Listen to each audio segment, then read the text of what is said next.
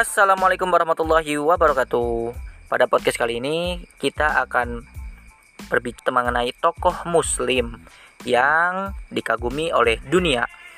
Nah, di segmen kali ini saya ingin berpesan kepada teman-teman untuk tidak banyak membaca dan cukup hanya mendengarkan saja karena membaca adalah tugas kami. Tugas kalian adalah mendengarkan.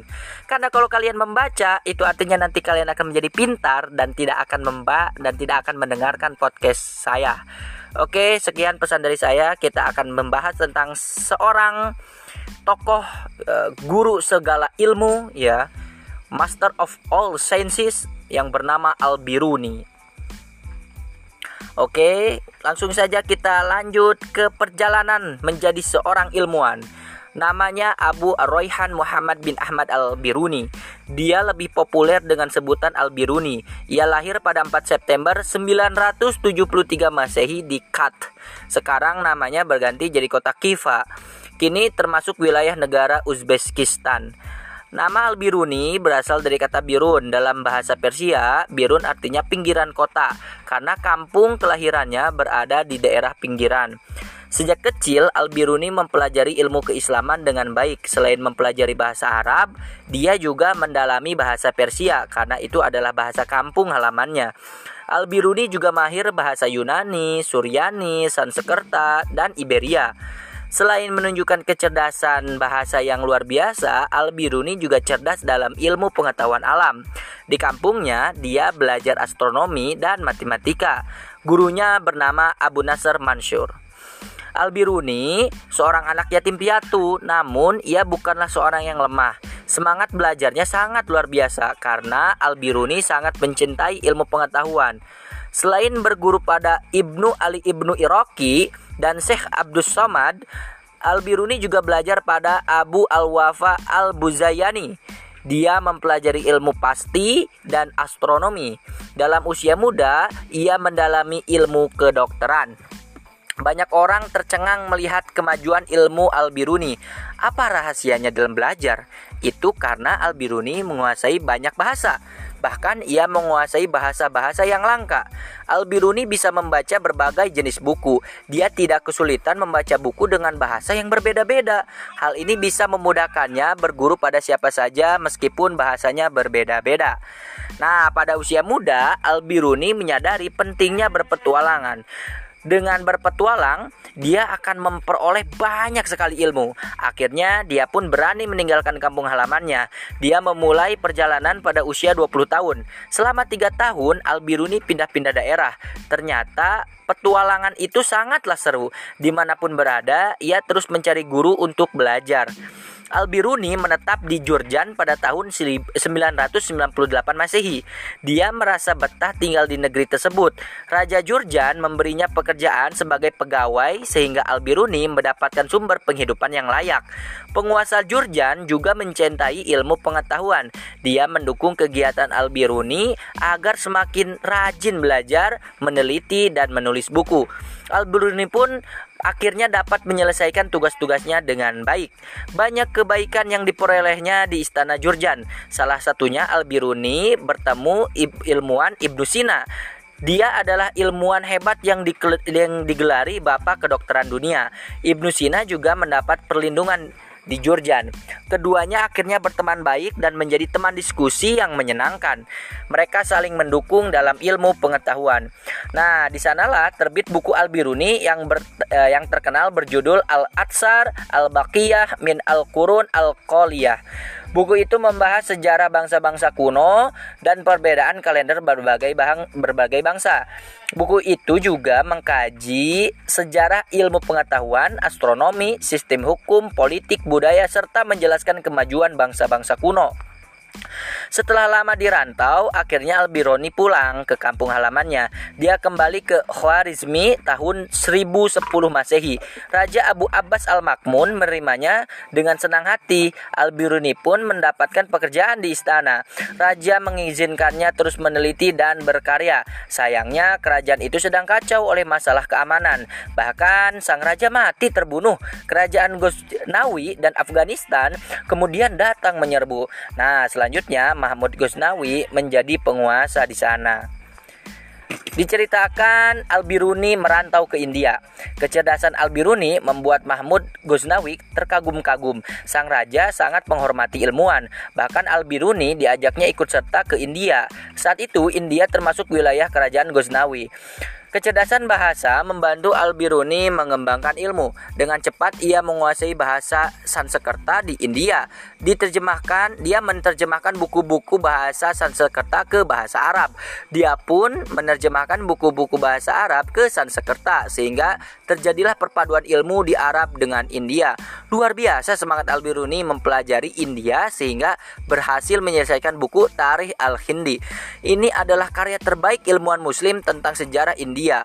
Buku ini menjelaskan falsafah hidup orang-orang India. Buku ini menerangkan geografi dengan jelas dan membahas peradaban bangsa India.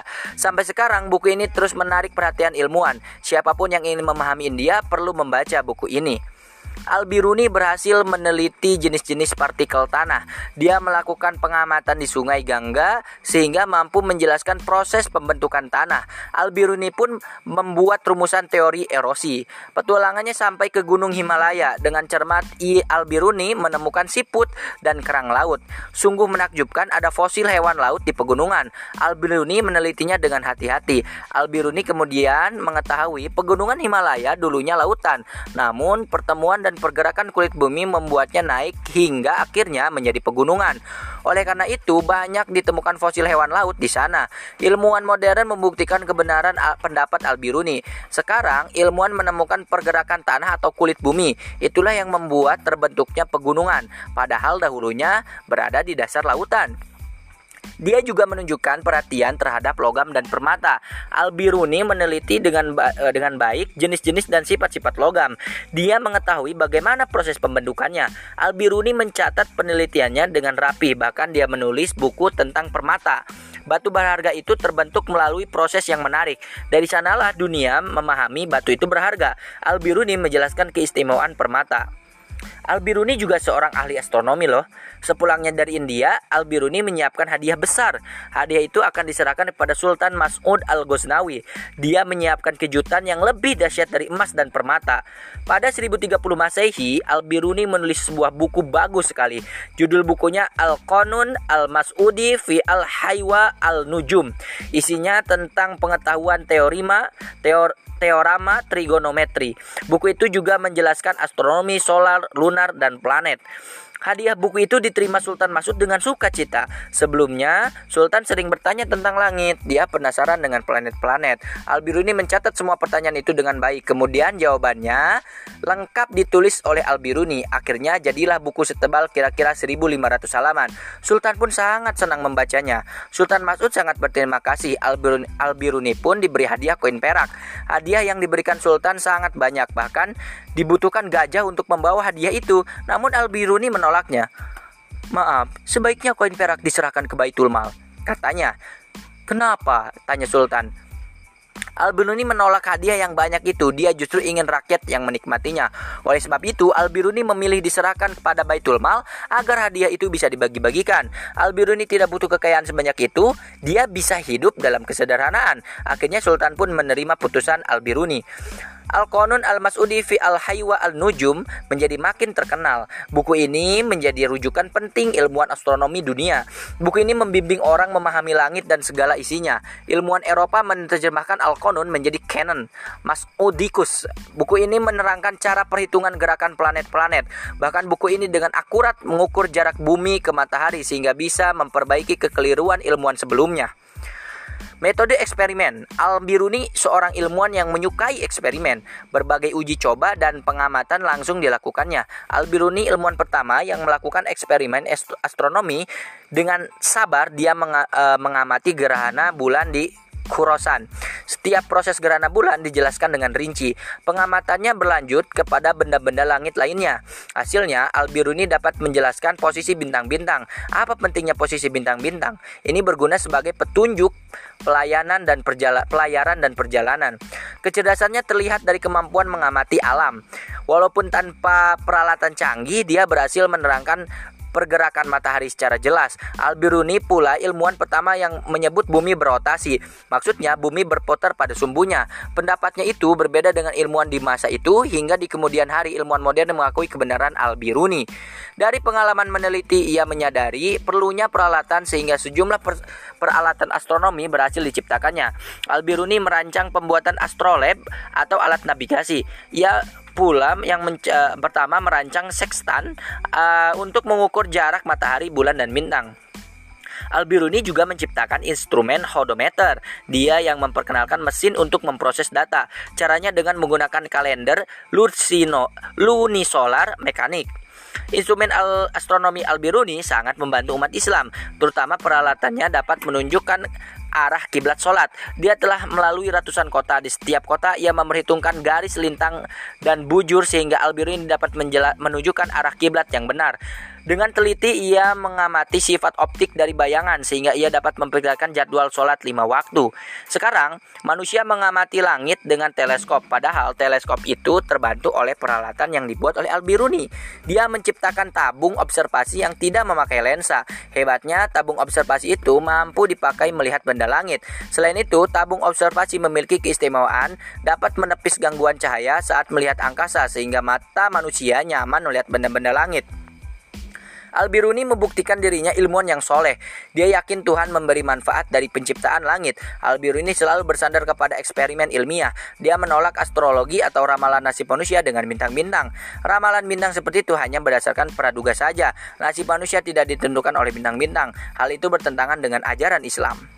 Bumi merupakan karunia Allah yang menarik perhatian Al-Biruni. Dia melakukan berbagai eksperimen mempelajari keunikan bumi. Syukurnya Al-Biruni menguasai berbagai bidang keilmuan sehingga berhasil melakukan hal-hal yang luar biasa.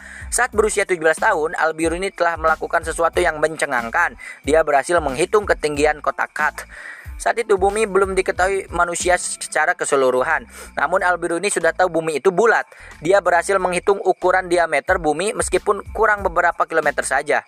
Bedanya, ilmuwan modern memakai peralatan super canggih sedangkan Al-Biruni menghitung dengan kecerdasan otaknya. Luar biasa cerdasnya Al-Biruni.